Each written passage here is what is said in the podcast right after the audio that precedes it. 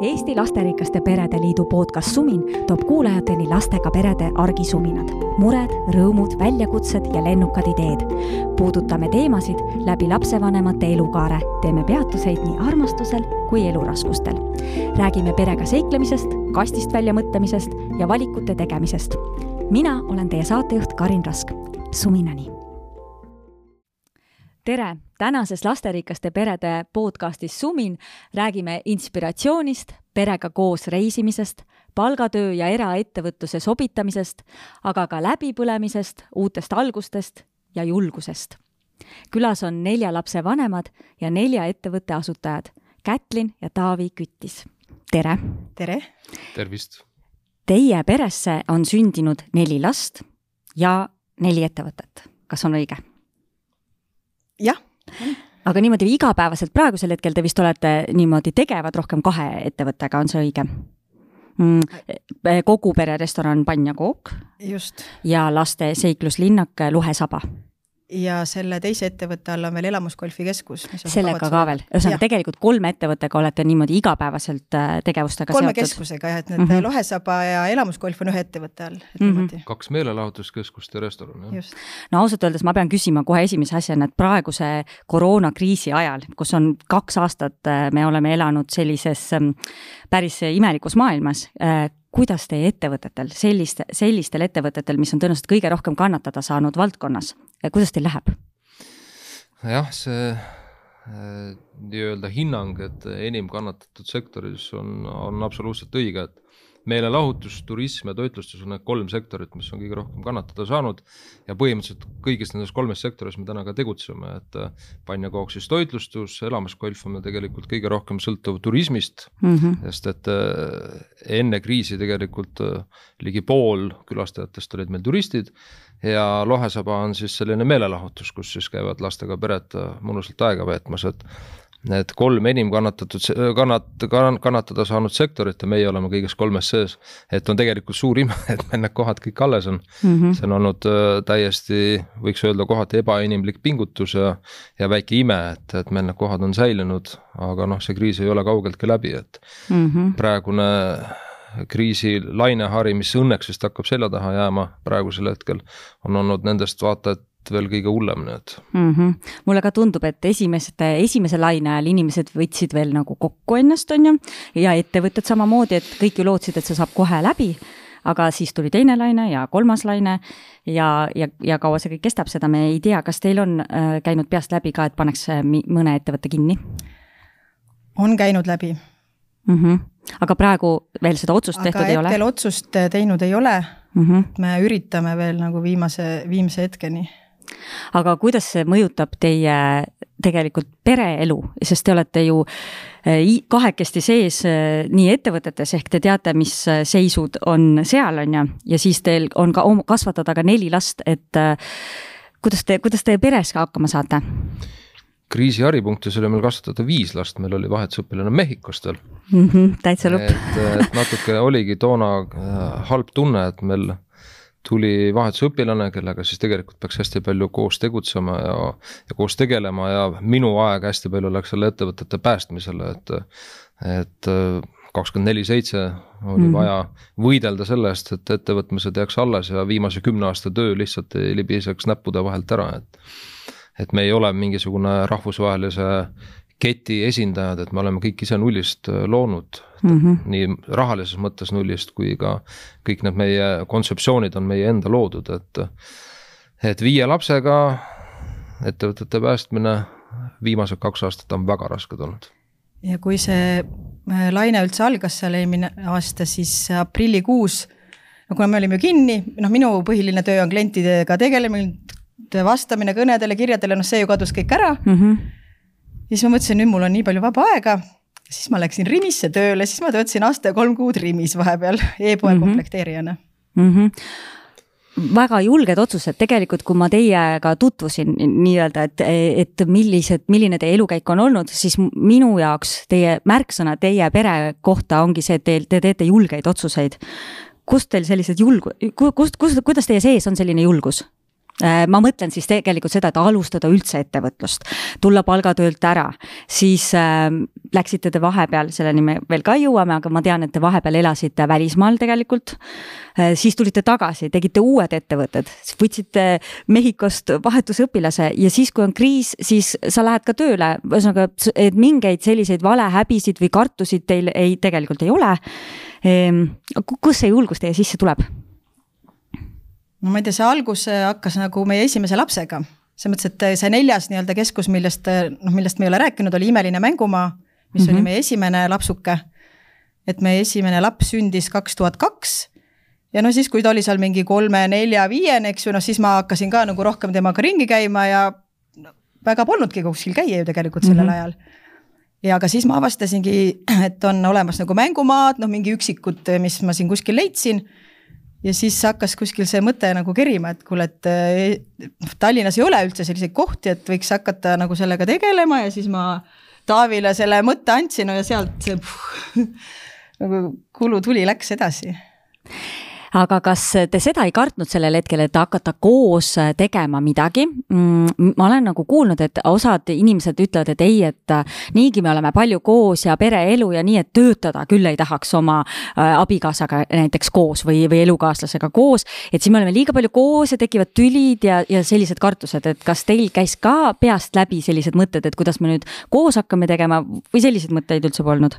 ma arvan, et need mõtted on tegelikult minul võib-olla tekkinud alles nüüd, ütleme kümme aastat hiljem sest siis, kui me selle tegime, siis olime mõlemad jube optimistlikud, et me mõlemad jätkame palgatööl ja siis me teeme veel kõrvalt seda eraettevõtlust ja noh, see siin lõppes meil mõned korrad vist isegi kiirabiga käis Taavil järgi, et noh, see asi ikka läks väga-väga hulluks.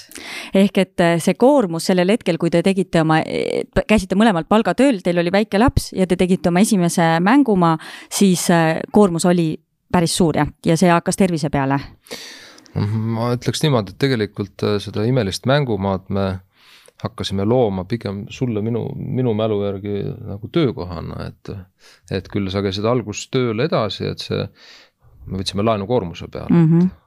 toona me saime vist ka EAS-ist starditoetust, aga see ei katnud kaugeltki kõiki need investeeringuid ära, mis mm, -hmm. mis me sinna sisse panime ja siis me mõlemad jätkasime jah, palgatööl, aga selle koha me lõime pigem, et Kätlinile luua töökoht ja siis äh, pea aasta hiljem, kui see koht, koht sai avatud ja me saime selgeks, et me olime pannud nagu kümnesse selle ideega mm. -hmm et osutus äh, Tallinna kõige populaarsemaks äh, laste sünnipäevade pidamise kohaks. ja siis Kätlin tuligi natuke hiljem töölt ära mm. -hmm. et mina esialgu ei plaaninud üldse selle valdkonnaga ennast siduda, sest ma tegelikult olen tehnikateaduste magistrikraadiga. olen juhi, juhtinud erinevaid tehaseid, mööblitootmist, paberitootmist. et, et ma olen hoopis teise nii-öelda hariduse ja profiiliga. aga tänaseks on siis saanud sellisest Kätlinile töökoha loomisest väga paljude inimeste põhitöökoht, sealhulgas minu mm. -hmm. aga kust te, kui te alguses äh, hakkasite ettevõtet looma, kust te tegelikult ammutasite teadmised, et kuidas ühte ettevõtet luua, kuidas ühte mängumaad teha, et seal on mitmed erinevad ju spetsiifilised teadmised, mis peavad tõenäoliselt olemas olema, on ju? noh, mängumaa osas alguses ütleme, kui me läksimegi vist kaks tuhat kaheksa, mis see idee meil nagu tuli üldse, me läksime ettevõtlusamet vist oli seal. Tallinna Ettevõtlusamet ja siis, kui me oma selle nii-öelda algelise ideega läksime, siis tädi tegi meile see, ma nutsin silmad peast välja, noh, tegelikult oli jube hea, et ta seda tegi, ta tõi mhm. meid nagu maa peale. et me oleksime sellel hetkel teinud sellise tavalise mängumaa, kus on pallimeri, nukuvankrid, mingi väike ronimise asi, no sihuke, mis on põhimõtteliselt Lasnamäe iga nurga peal, et mm. -hmm. et sellega me ei oleks mitte kuidagi eristunud aga tema ütles, et, et teil peab olema idee, erist-, millega te eristute ja mis mm. -hmm okei okay,, et sellest oli palju abi mm. -hmm. jah, ja siis me sealt hakkasime kuidagi ise seda, ma ei mäleta, mis hetkel see tuli, ma mäletan, me olime voodis pikali ja siis hakkasid kuskilt ideed, me hakkasime, et noh, imeline mängumaa on meil, meil on seal maailma imed mm. -hmm.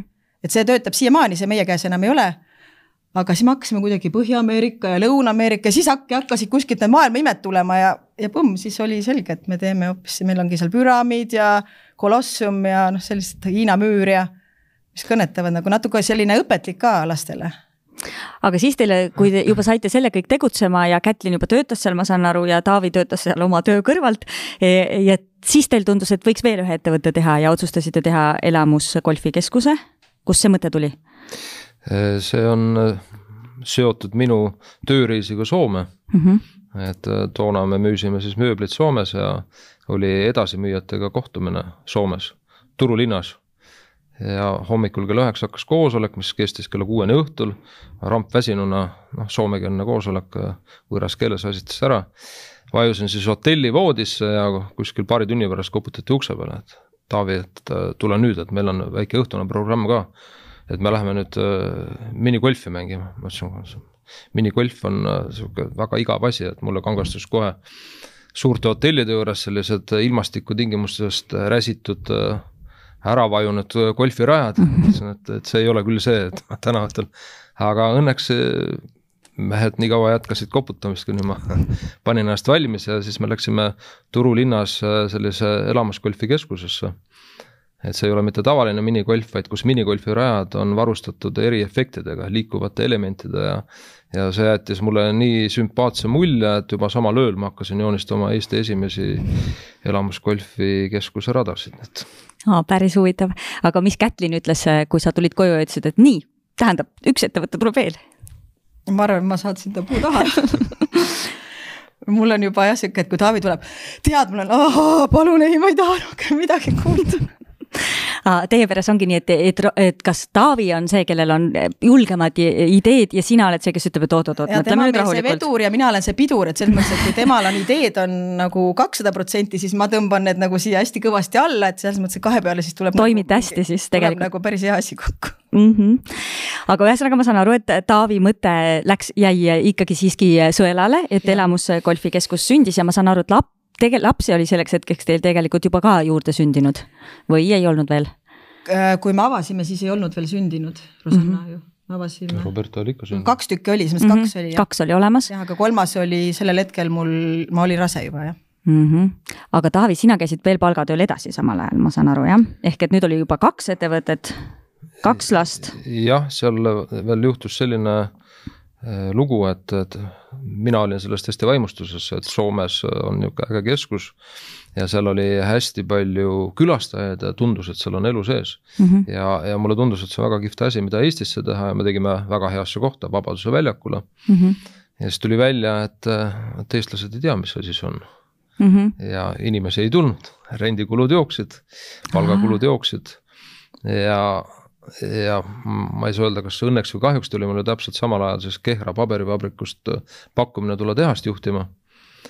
ja vaadates, kuidas võlakuhjad kuhjusid ja nii-öelda golf ei läinud ikkagi käima, tuli teha sihuke kiire otsus, et, et pärast väga väsitavat ehitusperioodi ja käivitusperioodi läksin ma siis täiskohaga tööle tehast juhtima. kas siis sinna ettevõttesse, elamusgolfi keskusesse leidsid sa siis juhi enda asemel või, või Kätlin, sina võtsid seda siis ka vedada? me tegelikult elamusgolfi rajamiseks see investeering oli väga suur, kutsusin ma siis ülikooli aegse sõbra Äh, sinna ka panustama mm, -hmm. siis äh, tuli meile ettevõttesse osanikuks. ja sellel hetkel tema oli just kaalumas äh, omal töökoha kas muutust, oli päris pikka aega ühe koha peal olnud, ühe koha peal olnud ja vajas nii-öelda väikest muutust. ja ma tegin talle ettepaneku, et kuule, et kas sulle pakuks huvi tulla selle koha juhatajaks ja ta võttis sellest võimalusest kinni. ja, ja nii-öelda päästsime sellel hetkel selle koha ära, sest et äh, mõned kuud läksid ja siis see koht tegelikult hakkas käima minema mm. -hmm. vajas sellist äh, soojendusperioodi nii-öelda? jaa, et noh, peamine küsimus oli see, et kuidas viia eestlaste teadmisse, et mis asi on üldse elamusgolf mm. -hmm. enamused, e-, enamus eestlasi teavad, mis on minigolf, teavad mm, -hmm. mis on suurgolf, aga see, mida meie hakkasime pakkuma, see oli midagi täiesti uut siin turul, et mm, -hmm. et lähim koht oli Soomes, aga järgmine koht, kus sarnast kohta või no samase, sarnase ideega kohta võis leida, oli Saksamaa ja Inglismaa, et, et natuke julge otsus sai tehtud jah mm. -hmm. tõime kontseptsiooni Eestisse, mida, mida tegelikult äh, siin, mida inimesed ei teadnud mm. -hmm. aga kas äh, ma saan aru, et nüüd mingil hetkel me hakkame jõudma sinna, kus hakkas ilmnema terviseprobleeme ja läbipõlemise märke Taavil siis, kes siis töötas nii mitmel kohal. kui te, kui te, kui ruttu te jõudsite selle otsuseni, et tuleb teha kardinaalne muutus ja kolida välismaale? no vot seesama moment, kui ma Kehrasse siis Tabasalust iga hommiku kell viis viiskümmend startisin, viis viiskümmend ärkasin, kell kuus startisin Kehra poole, seitsmeks olin Kehras. et seal tehast juhtida, väga vastutusrikas koht üle sajad inimesed seal allpool, kelle eest siis pead vastutama. ja samal ajal siis ülejäänud ettevõtted, ettevõtmised jooksmas. et kui ma siis kevadel hakkasin arstide vahet käima, et midagi on valesti mm, -hmm. siis kusagil märtsikuus arstid andsid mulle signaali, et kui nüüd väga kiiresti elumuutust ei tule et siis see võib fataalselt lõppeda. ja see signaal oli, oli, sattus samale ajale, kui Hannes Tammjärv hüüdis välja, et me teeme Rocca al mhm. Mare kooli Hispaaniasse. et, et seal lapsed saaksid tervist parandada. ja ma siis seostasin seda enda tervisega, et mul on mhm. vaja väga kiiret muutust mm. -hmm. ja, ja siis hakkas see protsess nii-öelda peale, et Kätlin, mida sina tundsid siis äh, sellel hetkel, kui arstid ütlesid äh, Taavile, et see võib fataalselt lõppeda, kui niimoodi edasi minna? no see oli väga hirmutav, ma hakkasin praegu mõtlema, oota tegelikult golfi avades meil oli ju ikkagi kolm last juba ju selleks hetkeks, me pidasime Ro Rosanna kolmandat sünnipäeva sellel hetkel seal ju. just, meil oli kolm last selleks mhm. hetkeks. kaks tuhat üksteist ja kaks tuhat neliteist avasime. Mhm. et no see oli ikka väga hirmutav jah et. kas, kui äh, Taavi käis seal Kehras tööl, kas nende ettevõtetega sa igapäevaselt toimetasid tegelikult sina siis? no golfis äh, oli meil see oma, oma sõber meil nii-öelda mm -hmm. osanik, teine osanik, aga mina tegutsesin seal imelise mängumaaga nende klientidega ja noh, raamatupidamist siis aitasin ka teha, et mm. -hmm nii, aga kas siis te panite pead kokku ja mõtlesite, et mida siis äh, teha?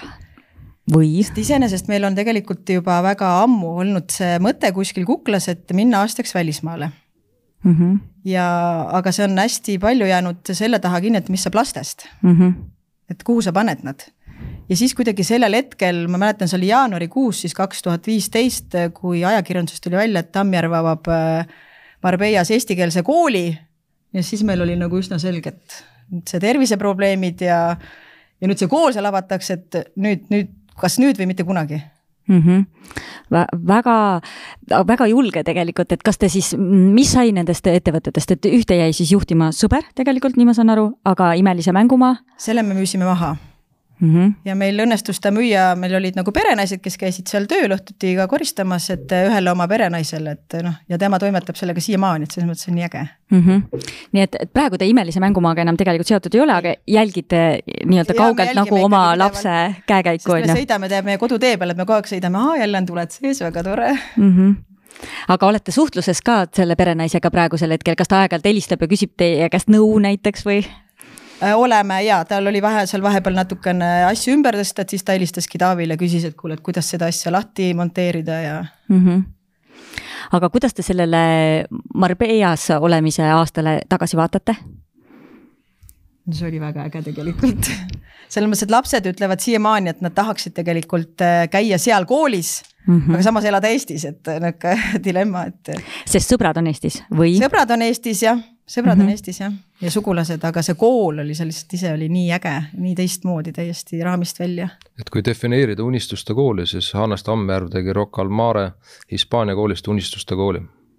no see kõlab täiesti suurepäraselt. ja väga kurb oli, kui me nüüd äh, siin mõned nädalad tagasi Hispaaniast tulime, sealsamas koolimaja ukse peal näha silti, et see koht on müügis aga kas seda kooli enam ei, ei ole? kooli enam ei ole kahjuks jah. koroona lihtsalt on oma töö teinud, see oli väga-väga populaarne mm. -hmm aga noh, suht mõttetu on ju sõita Hispaaniasse ja siis sa istud kodus distantsõppel, et mm. -hmm. et koroona hävitas sellise unistuste kooli, võiks täna öelda, et ma väga loodan, et Hannesel on rammu ja tema, tema nii-öelda kolleegidel kunagi seesama idee uuesti taaselustada ja see ellu viia, sest et mitte sellepärast, et see kool asus Hispaanias mm, -hmm. et see kooli kontseptsioon oli unistuste kool. Ma ei ole nii rõõmsaid lapsi kunagi koolis näinud lapsed nõuavad hommikul kooli minekut. mis klassis teie lapsed olid, kui nad käisid seal mi-, mitmendates? Robin läks kuuendasse, Roberta vist teise, jah, teise. ja Rosanna oli sel hetkel kolm, tema läks nii-öelda eelkooli sinna niimoodi poole päeva kaupa käis. siis eelkooli lastel oli nii-öelda eraldi õpetaja, kes siis nendega päev läbi seal toimetas ja tegeles ja mm. -hmm. aga mida teie ise tegite seal? Äh, minul oli selle, või noh, meil oli selleks hetkeks viiekuune beebi mm. -hmm. siis mina olingi põhimõtteliselt kodune ema. Taavi jäi tegelikult siis äh, nii-öelda sealt Kehra paberivabrikust jäigi nagu isapuhkusele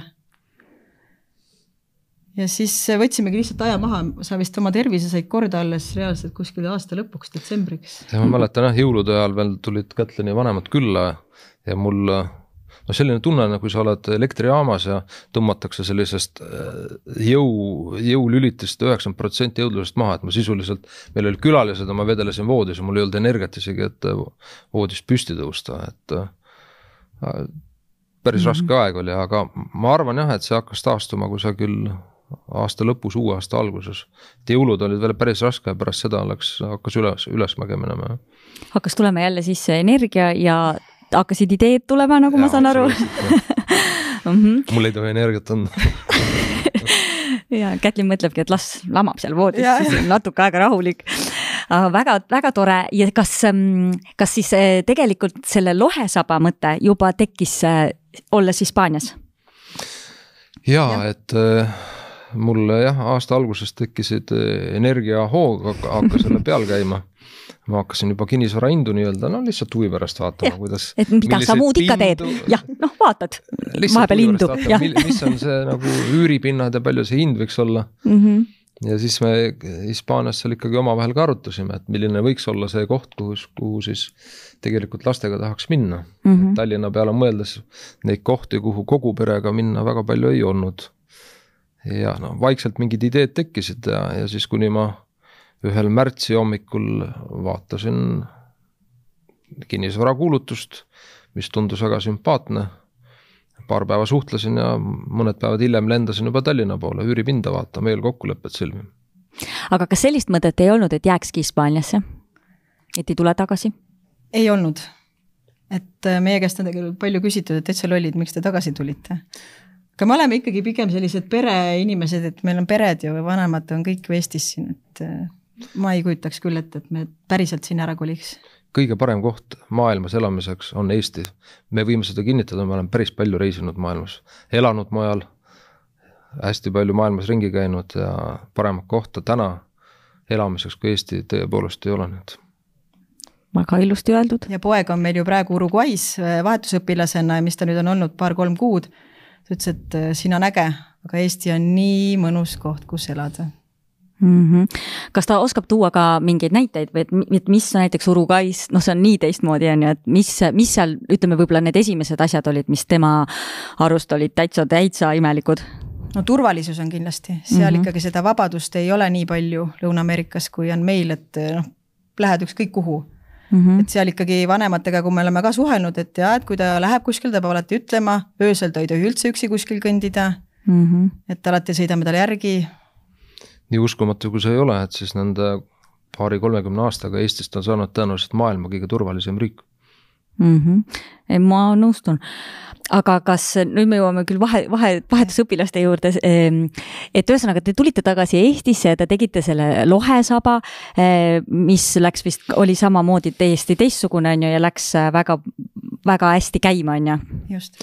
no sisuliselt jah, poole aastaga me tegime null, nullist eh, kuni valmimisena valmimiseni sellise kontseptsiooni, et enamus ei usu, et see on võimalik, et kuue kuuga tehti, aga mm -hmm. Hispaanias saadud see energiavoog, mis ma seal sain, realiseerus siis jah, kaks tuhat viisteist oli kaks tuhat viisteist, kaks tuhat kuusteist, kaks tuhat kuusteist oktoobris siis meie uue koha avamisega.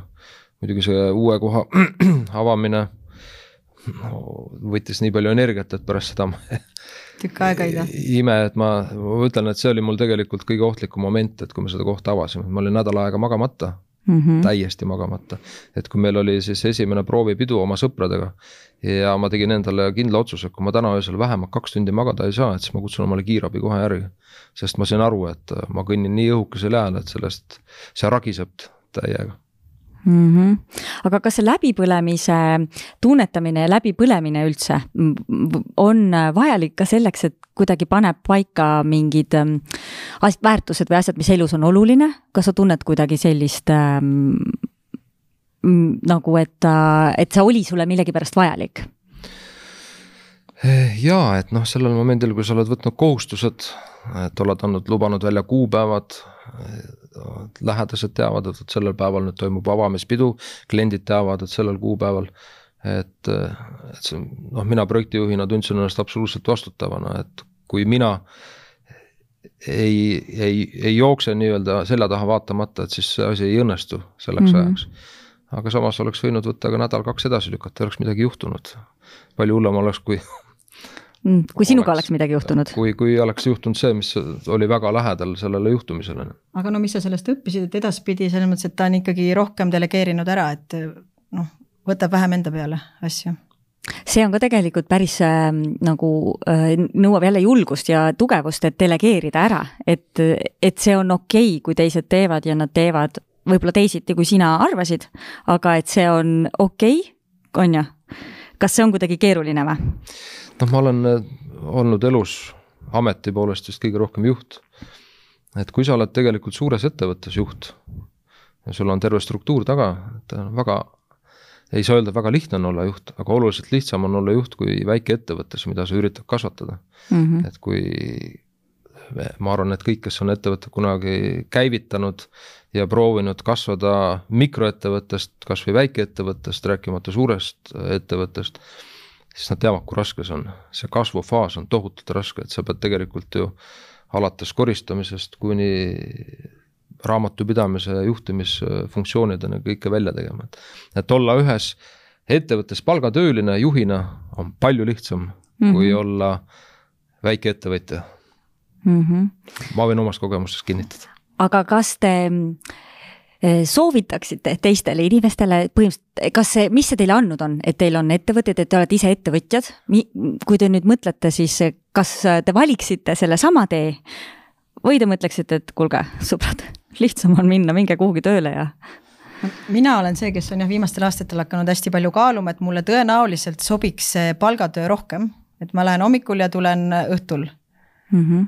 aga samas see vabadus, mida annab nagu eraettevõtlus, et äh, palgatööl käies sa tead, et sul ainult need neli nädalat aastas, mis sa saad puhata ja siis noh, need mõned lapsepäevad, eks ju. siis praegu on, kui me tahame ikkagi kuskile reisile minna, siis, siis me lihtsalt läheme. kui meil on vaja täna siia tulla, siis me lihtsalt tuleme mm. -hmm. ma ei pea kellegi käest luba küsima selle jaoks mm. -hmm. kuigi meie siia täna tulek sattus ka väikse löögi alla jah, sest et äh, kolmapäeva hommikuti me avame Lohesaba kell kümme hommikul, et mina saaksin pool üksteist teha sellist mudilasringi emmedele. aga keda kell kümme ei olnud, ei olnud töötajat enam mm,. nii, ja mis siis sai? siis me helistasime talle, ta ei vastanud, siis me kirjutasime talle, ta ei vastanud. siis ma sain kiiresti, organiseerisin äh, ühe endise töötaja, kes oli nõus tulema, aga õnneks jõudis siis äh, sisse maganud töötaja vahepeal üles ärgata. Ja siis, äh, siis ta tuli ise tööle, aga mina läksin oma mudilasringi tegema nii, et ma panin leti peale sildi, et, et astuge edasi, pärast arveldame. ahah, nojah, et eks selliseid asju vist juhtub päris palju kusjuures õnneks on see nüüd viis aastat, mis on Lohesepa olnud esimest korda, kui reaalselt töötaja niimoodi ei tule nagu kohale. just täna. ja just täna jah nagu ikka. aga ma, vot see vahetusõpilase asi puudutab mind ka, nüüd me hüppame küll täitsa teise teemasse, aga et kas teile tundus, et veel vähe võitu on, et võtaks ühe õpilase endale vahetuse me Mehhikost, ma saan aru jah? et lihtsalt selline mõte käiski peast läbi, jah see on olnud selline minu pikaajaline unistus, tõenäoliselt on see minu täitumatu unistus, et ma võib-olla noorena oleksin tahtnud ise minna, ei olnud võimalik rahaliselt. ja siis ma oma suuremale lapsele nagu Robinile olen rääkinud aastaid, et nii äge oleks, mine ja siis oi, ta saatis mind puu taha selle mõttega, on ju. Mhm. ja siis ta, aga nagu ta lõpuks ta jõudis ise sinna, nii et ta ikkagi ei läheks, eks ju, ja ja no siis tuli see koroona, ta mm -hmm. pidi ju eelmine aasta minema Tšiili ja siis ta ei saanud sinna minna. ja siis ta ütles, et kuulge, et aga võtame siis ise endale vahetusõpilased, mis te arvate? sest ta oli enne sellele ka täiesti vastu olnud, et me võtaks endale koju kas see on niimoodi osa sellest paketist ka, et natuke, et kui sa ise tahad minna, et siis sa pead kellegi võtma või, või ei ole? ei, need ei ole üldse seotud. ei ole üldse seotud? ei ole üldse seotud jah.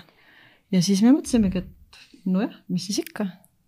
ja siis vaatasimegi, meie nagu no mõte oli, et me tahaks midagi erilist, midagi teistmoodi, et ei taha päris siit kõrvalt Lätist või Saksamaalt, et siis vaatasime, et oo, üks Mehhiko tüdruk on seal vaba mm. -hmm. no suur väljakutse oli muidugi see, et ta oli, on siiamaani, eks ju, ta on taimetoitlane ahah, et toidud eh, temale pidi siis eh, eraldi tegema või siis kogu pere hakkas ka aastaks taimetoitlaseks? pigem ta ikkagi, sest ta ema nagu rahustas mind ka maha, et ei, ta tegelikult sööb tavalist toitu, lihtsalt ta ei söö liha siis mm. -hmm. ehk põhimõtteliselt teed oma pere toidu, lihtsalt ta ei võta liha ja. sinna kõrvale mm. -hmm. jah, aga noh, aeg-ajalt ta tegi endale mingisuguseid asju sinna juurde. kemüüsesid. kemüüsesid jah mm. -hmm. Aga kuidas te seda kogemust hindate tegelikult nüüd tagantjärele, et kas, kas see oli väga äge, et te sellise sammu astusite ja tema enda juurde võtsite? ma saan aru, me juba põgusalt alguses rääkisime, et lihtsalt ta sattus väga raskele aastale, on ju. aga, või? meil on üks laps juures ma võiks niimoodi öelda, ma arvan, see defineerib kogu seda situatsiooni, et meil mm -hmm. on mhm. üks laps juures maailmas. oli väga äge kogemus. Ja ma arvan, et tema suur õnn oli see, et ta just nagu meie perre sattus, sest meil on suur pere mm. -hmm. kui kool oli kinni, siis tal olid noh, kaks suuremat õde-venda võtta ja nagu suurema tütre Robertaga, nad on parimad sõbrad siiamaani, nad suhtlevad igapäevaselt Mm -hmm. et ma arvan, see andis talle palju, et võib-olla kui ta oleks üksi olnud, ütleme väikeste lastega seal kodus, et siis ta oleks võib-olla tõmbunud oma tuppa sinna rohkem ja mm. -hmm. no meile sattus ka muidugi väga kihvt tüdruk, nii et ta, me siin olemegi nalja teinud, et Kätlin on äh, oluliselt rohkem mehhiklase temperamendiga kui meie Mehhiko tüdruk, tema on rohkem nagu eestlase temperamendiga. oli sihuke tasane ja, ja. vaikne jah? talle meeldis meestega saunas käia ja leili visata ja siis hange hüpata ja mm -hmm. rahulik ja mõnus, väga äge tüdruk no väga tore aga kas te tema perega ka siis tegelikult sõbrunesite ja, ja kui kunagi see igasugune kriis läbi saab, siis reisite võib-olla sinna külla neile? jaa, plaan on kindlasti minna sinna kunagi külla. Emaga ma suhtlesin ikkagi noh, mitte nüüd kogu aeg, aga ütleme nii paari-kolme nädala tagant ikka jälle ta mulle kirjutas, et kuidas läheb ja mm -hmm. isaga vähem, aga emaga suhtlesime küll ja, ja siiamaani ma praegu emaga kirjutan aga kas ja te tüdruku endaga olete ka siiamaani suhtluses nüüd, kui, kuigi ta on teie juurest juba ära läinud, on ju, siis ikkagi suhtlete, et Robertaga ta suhtleb no, igapäevaselt, on ju? igapäevaselt, Robiniga ta suhtleb ka kõige vanema lapsega, et meiega nagu vähem, aga aeg-ajalt me teeme selliseid perekõnesid siis, et siis me saame koos rääkida. Siis... möödunud pühapäev, kui oli isadepäev, siis Anke tegi omale Skype'i spetsiaalselt sellepärast, et mulle Skype'is, mul Facebooki ei ole, Messengeri mm. -hmm. et siis kirjutada, et head ilusat isadepäeva maailma parimale vahetusisale. nii tore aga mida ta võib-olla teile õpetas või kas te oskaksite midagi sellist ka kohe välja tuua, et äh, ta sulandus hästi ja, ja, ja tema õppis siin erinevaid kombeid saunast alates, on ju. aga kas teie ka õppisite midagi selli-, nagu olemaks siis ema ja isa kellelegi, kes ei ole teie enda laps? ikkagi aasta aega on päris pikk aeg, et näeb tõenäoliselt erinevaid äh, palesid ka inimesest või noh, et inimene juba on nagu päris, on ju noh, mulle ta võib-olla õpetas, noh, tegelikult peaks ta lapsevanem nagunii, eks ju, tegema seda sisse-välja hingamist, et selles mõttes, et tema võib-olla tegi mingeid asju teistmoodi, kui ma eeldasin, et võiks teha, siis ma ütlesin, et aga see on ju okei okay tegelikult, et mm. -hmm. et, et ta ongi teistmoodi ja ma pean arvestama sellega mm. -hmm. no Taavi, oskad ka midagi öelda? õpetas seda, et, et kui sul esimene laps sünnib, siis sa mõtled, et kuidas see järgmine laps siia südamesse mahub ju tegelikult, et ja kui see teine sünnib, sa saad aru, et pole küsimust, tuleb kolmas, neljas, aga kui tuleb vahetusõpilane välismaalt, kuidas tema siis oma koha sellest südamest leiab, ta on võõras inimene, peaaegu täiskasvanud. leiab. ja päris kohe suure osa leiab sealt südamest, et mina käin küll iga päev ringi, nii et Anke on mul siin oma südames hoopis kogu aeg, et mõtlen ikka, kuidas tal läheb ja soovin talle parimat mm,. väga tore, aga kuidas teie pojal nüüd läheb seal, kuidas tema Uru Kais hakkama on saanud siiamaani? Kolm kuud, jah? ta pidigi jah Tšiili minema ja siis ta augustis sõitis ja ta sai alles viiendal augustil teada, et ta ikkagi Tšiili ei lähe ja siis läks nüüd Uruguay'sse hoopis, aga tal läheb seal super hästi. et algul noh, kuna ta nii viimasel hetkel läks, siis ta läks nii-öelda ajutisse perre, kus ta kahe nädala asemel oli kokku kuu aega. ja nüüd ta siis on nii-öelda oma päris peres, kus on kolmekümne viie aastased ema-isa, lapsi ei ole. Ah, lapsi ei olegi? jah, aga Robinile tundub, et see sobib, sest äh, ta teeb oma neid videosid, videoblogi, et noh, tal ongi nagu aega enda, endaga tegeleda. ja noh, seda sotsiaalset suhtlust lastega nii-öelda saab koolis, et mm. -hmm. aga kuidas on temal olnud see sinna kooli sisseelamine mm,? nagu, kas see kool on kuidagi väga teistsugune? kui ta oma esimesse kooli läks, mis oli siis äh, nii-öelda see ajutise pere juures, siis see oli selline äh, kiriklik kool või usukool, kus oli, saadi teada, et ta Eestis oli siis laia matemaatika klassis ja pandi ta kohe reaalteaduste klassi hispaania keeles. siis ta videotest on näha, et ta ei saanud seal mitte midagi aru.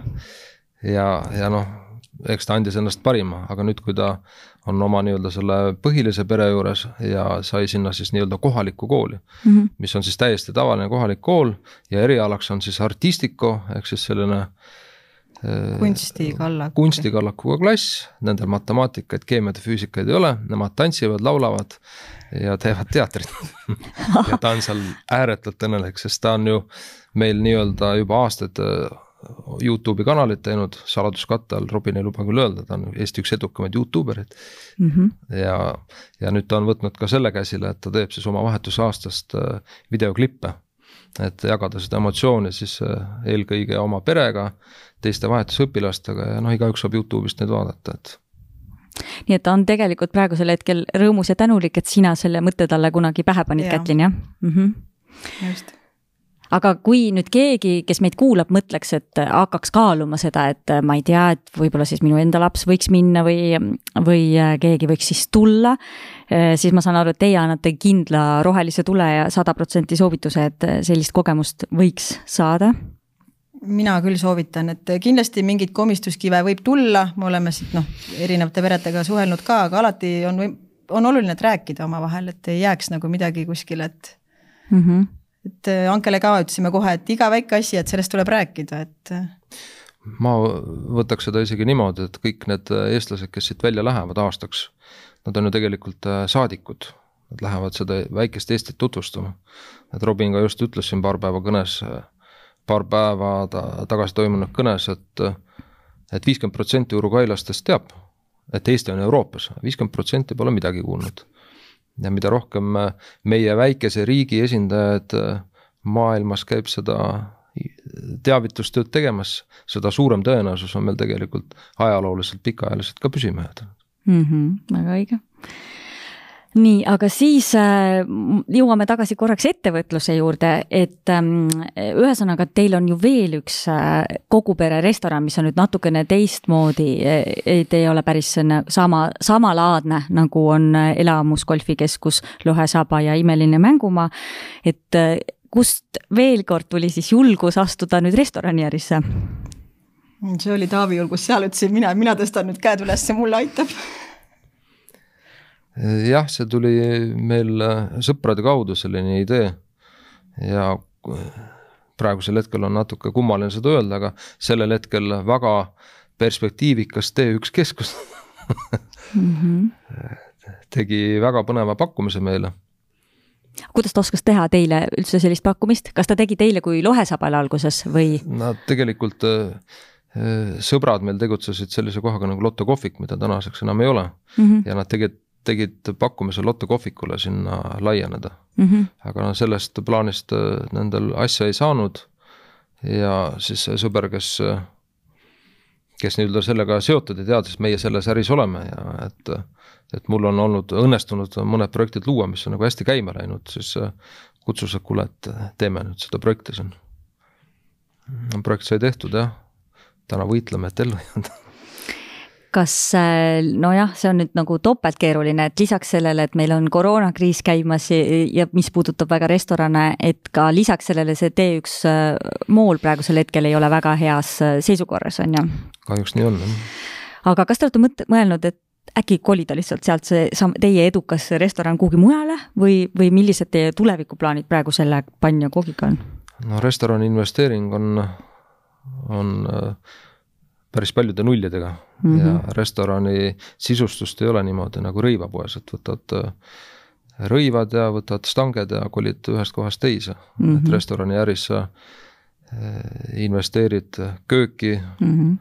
ventilatsiooni, sisustusse, meil on seal Eesti restoranides kõige suurem laste mänguala, Lotte ja Kadunud lohest mult- animafilmist inspireeritud mänguala meil on see kuus meetrit kõrge lohe, mis purskab tuld ja tulede ja viledega. et seda lohe mitte kuidagi ei transpordi, mis on mm -hmm. selle restorani peamine tunnusmärk, nii et mm. -hmm. et kahjuks meil ei ole võimalik asju selga võtta, me oleme küll mõelnud vahel, et kui T1 oleks läinud oodatul kujul käima, et mis siis kõik võiks olla, aga, aga noh, me ei tea. seda ei tea tõesti, aga mis aga mi-, millised teie tulevikumõtted nüüd üldse on, kui, kas te, kas praeguses sellises kummalises ajahetkes üldse ettevõtluse suunal saab teha pikki plaane? noh, ma peaks ütlema, et selles kriisis äh, valitsus on toetanud ettevõtteid. et äh, tänu sellele me ka tegelikult üldse elus oleme, et valitsus mingil hetkel tuli appi. Aga näiteks siin äh, praeguses kolmandas laines, kus on, seis on keerulisem kui kunagi varem, ettevõtjatel on kõik ressursid, nii rahalised kui ka emotsionaalsed ja füüsilised ressursid sisuliselt ammendunud. Ja meie peaminister siin mõned päevad tagasi kommenteeris, et aga mille jaoks on ettevõtjatel toetused vaja, et see testid, mis me ära võtsime, on ju kliendi hulka vähendanud ainult kümme protsenti. ma võin öelda, käibe langus on rohkem kui viiskümmend protsenti, nii et ja mitte ainult meil mm. -hmm. et kogu see sektor on väga suure löögi all, et kui nii kõrgel tasemel ei nähta probleeme, siis äh, tekib küll tunne, et ega ei tea, kaua siin on on ettevõtjad võimelised veel vastu pidama. ja me juba näeme ka täna, et väga paljud ei ole mm. -hmm. väga kuulsad restoranid panevad ennast kinni. ja just paar päeva tagasi olid uudised. Need uudised tuleb kogu ja. aeg jah, et väga tuntud söögikohad panevad kinni, sest sa ei saa lõputult pere arvelt äh, laenu võtta, lõpuks sa oled tänava peal nüüd samamoodi me jälgime neid mängumaade broneerimiskalendreid, et vaata ka seal on üks suur tühjus, et mismoodi kõik ellu jäävad, ma, ma ei kujuta ette. sest inimesed ei julge ka tõenäoliselt pikalt üldse ka samamoodi ette ja. mõelda, on ju, et bronee-, muidu ju broneeriti näiteks. meil oligi kolm kuud ette mm, -hmm. olime täis müüdud varem, jah.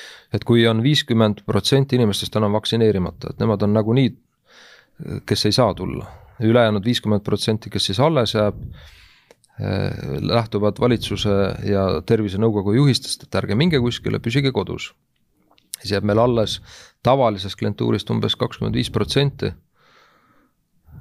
et, et mitte kümme protsenti ei ole nii-öelda kliendivoost kadunud, me räägime seitsekümmend viis protsenti aga kuidas sel-, nii keerulises ajas ja kui nii palju ebakindlust ja te, see kindlasti ju mõjutab teid äh, inimestena, kuidas te, kuidas te oma lastega, kuidas te perega, kuidas te kodus äh, noh, hakkama saate tegelikult?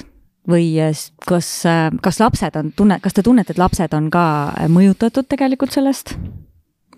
mingil hetkel vist isegi see kõige väiksem muutus meil hästi rabedaks, eks ju, oli küll. me mõtlesimegi, et see võib olla sellest, et ta võib-olla tunnetab mingeid noh, meie tundeid, aga noh, nüüd on see nagu korda saanud. aga üldiselt nemad vist kõige rohkem, kes meile kaasa elab, on tõenäoliselt meie noh, poeg, et tema nagu jagab seda asja, et mm. -hmm. no ettevõtluse koha pealt, aga koduõppel olemine, et kui see koduõpe tuli, siis meie äh, vanuselt teine tütar siis äh, käis teises klassis või kolmandas Te?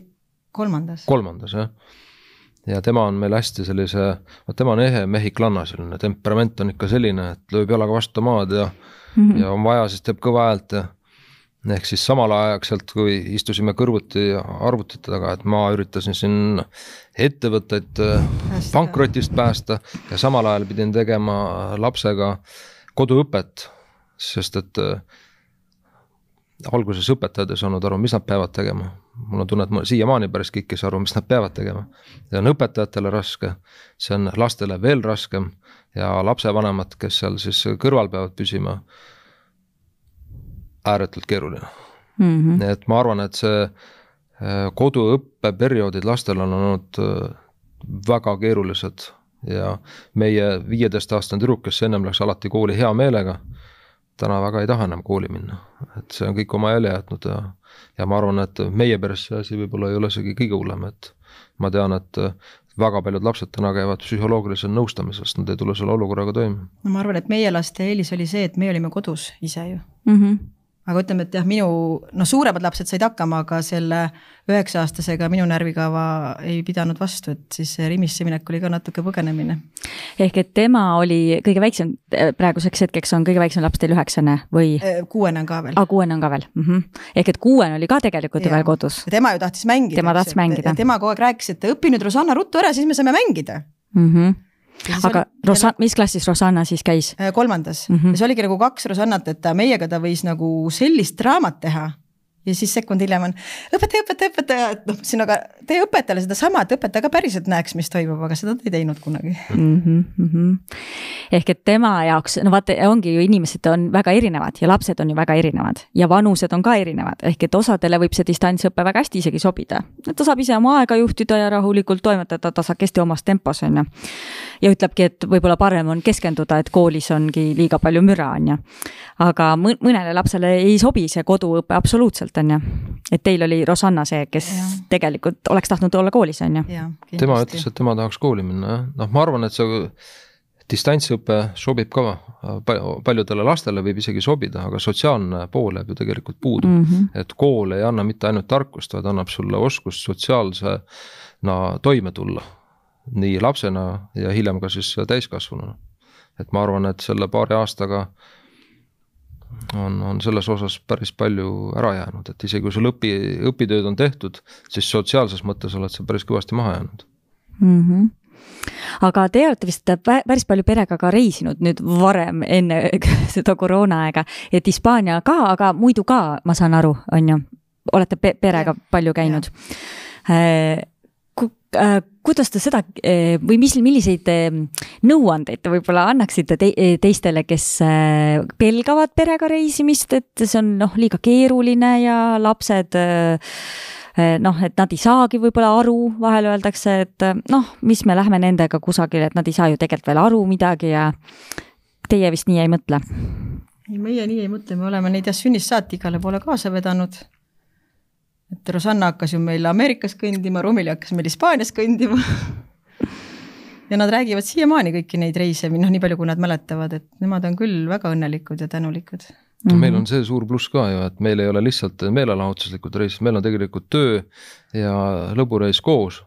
et kui me läheme ideid ammutama, siis näiteks USA-s me võtsimegi viienädalase eh, ringreisi siis äh, nendes osariikides, kus on kõige rohkem meelelahutus, kus on maailma kõige paremal tasemel meelelahutus, võtsime suure matkaauto ja viis nädalat sõitsime ühest pargist teise peaga käisime ideid ammutamas, et kuhu siis äh, see valdkond võiks areneda ja mida siis võiks ka Eestis teha no teie töö on selles mõttes ongi laste jaoks väga, väga tore on ju, unistuste vanemad, kes ja. teevad mängumaasid ja, ja, ja pererestorane. Noh, teie need ettevõtted muidugi ongi ju äh, inspireeritud lastest, on ju? Mm.. no golfikeskus on pigem inspireeritud võib-olla äh, rohkem isegi no tegelikult on, me tundsime, et sellisele teismelisele lapsele ei ole tegelikult Eestis nagu väga midagi, et ütleme, batuudikas, bowling, aga rohkem nagu ei olnudki, me pigem mõtlesime kui sa tahad jah, nagu viieteist, kuueteistaastase lapsega midagi koos teha, et sa saad minna bowlingusse väga, väga palju ei olnud, et, et siis et oligi see mõte jah. Mm, -hmm. et see golfikeskus on tegelikult suunatud pigem selline suurtemate lastega või siis noh, peamiselt on ta suunatud ikkagi täiskasvanule mhm. firmapidude ja muude lahedate ürituste tegemiseks kas reeglina seal pigem käi-, käisid või käivadki inimesed pidusid pidamas või mitte päris nii, et täna on teisipäev, lähme sinna või on mõlemat?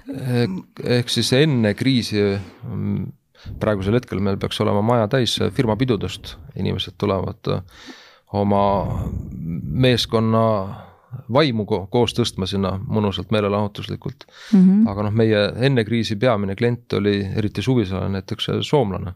soomlane väga hindab seda, et nad saavad tulla perega sinna koos mängima ja, ja see, see on see, mis, mis täna on palju puudu mm. -hmm. aga noh, Eesti pered ikkagi käivad ka. jaa, no, et jah. eestlased käivad ka ja õnneks me aina rohkem saame tuntuks ka Eestis, et eestlased käivad aina rohkem, jah aga kui te neid ettevõtteid olete ehitanud ja teinud, kas lapsed on olnud teil tegelikult kaasatud äh, protsessi ka äh, loomise hetkel või ka nüüd, kui asjad tegelikult toimivad, kuidas? Äh, Lohesaba hetkel oli küll, sest siis olid ju, no okei okay,, see aastane tema, noh, tema järgi me tegime seda nii-öelda beebiala olema, aga kõigi käest me küsisimegi, et noh, poisil oli vaja, et on Playstationid, kellel oli vaja moemaja, kellel oli vaja tondilossi, eks ju. kellel oli võimlat vaja, siis okei okay,, sealt hakkasid nagu ideed tulema. Et jah, lastest on hästi palju inspiratsiooni saadud jah, kõikide nende kohtade tegelikult tegemisel on olnud äh, lapsed suuremal või vähemal määral inspiratsiooniallikaks. ja nad on ju ka käinud ju natuke värvinud või mis nad on saanud seal väikseid töö, noh, kui me oleme ava-, noh, ehitanud alles ja midagi nad on käinud tegemas ka, et natuke taskuraha teenida. me ise olemegi selline eh, katsetusmeeskond, et kui me läheme oma perega, kus on siis kuus liiget, osad on suured lapsed, osad on väiksed, et ja kui sa kuhugi lähed, siis sa näed, et kas see toimib või ei toimi et me selle järgi oleme oma asju sättinud, et oleks selline multifunktsionaalne lahendus, sobiks äh, perele, kus on, on palju liikmeid ja on erinevas vanuses mm. -hmm. aga kas, Kätlin, kui sa mõtled mm, Taavi peale, et äh, kas äh, pärast seda, kui te olete hakanud koos tööd tegema, et kas sa oled näinud temast mingeid selliseid külgi, mida sa muidu poleks näinud? või kirjelda Taavit kui nii-öelda ettevõtjat või juhti? no ta on hästi pühendunud. nii pühendunud, et me töötame kõrvuti ja siis ta kunagi ei kuule, mida ma räägin, sest nüüd äh, ma olen aru saanud, et jah, et ongi, et ta on nii pühendunud, ma ei tohi talle nagu sisse sõita, sest et mina olen selline, no ta on kõigest, mis ma, oo kuule, ma nägin seda uudist, Taavi ja siis ma olen jälle tige, et ei kuula mind üldse onju, aga nüüd ma olen nagu õppinud ennast uh,, ma panen kasvõi kirja ja siis ma pärast räägin talle korraga kõik oma jutud ära et ta on nagu hästi kohusetundlik ja no superjuht, et ta noh, kuidas ta oskab nagu inimestega käituda ja neid juhtida, see on nagu imeline aga sama küsimus tegelikult Taavile Kätlini kohta ka, et ähm, pärast seda, kui te hakkasite koos tööd tegema, et mis sa võib-olla Kätlinis uut oled avastanud? noh, ma arvan, et, et miks ma Kätlini ideed selline koht luua toetasin toona, kui ta selle jutuga tuli, et vot niisugune koht oleks vaja teha. et Kätlenist paremat klienditeenindajat on raske ette kujutada. et äh, kui sa tahad saada tipptasemel teenindust, siis otsi Kätlin ta on nagu super hea teenindaja. mitte, ma ei mõtle selles mõttes, et ta on mm -hmm. kuskil kassas, vaid noh, igas mõttes, et inimestega just. inimestega mm -hmm. suheldes, et kui, kui on vaja mingit teenust saada, noh, meil on erinevad teenused. et siis äh, tema inimesena on ääretult empaatiline ja hästi võimekas äh, teenindaja, et äh, ilma lahenduseta see kindlasti ei jää, et et, et see on saanud aina rohkem kinnitust, et, et mu sisetunne toona oli õige. Aga kui nüüd on kuskil mõni, mõned ähm, näiteks pered, kellel on ka mitu last juba ja nad kõhklevad ja kahklevad, et kas nad julgevad astuda sellist sammu, et äh, sest äh, see ju nõuab väga suurt julgust, et tulla palgatöölt ära ja hakata tegema oma asja. Äh, kas te, mida te soovitaksite neile?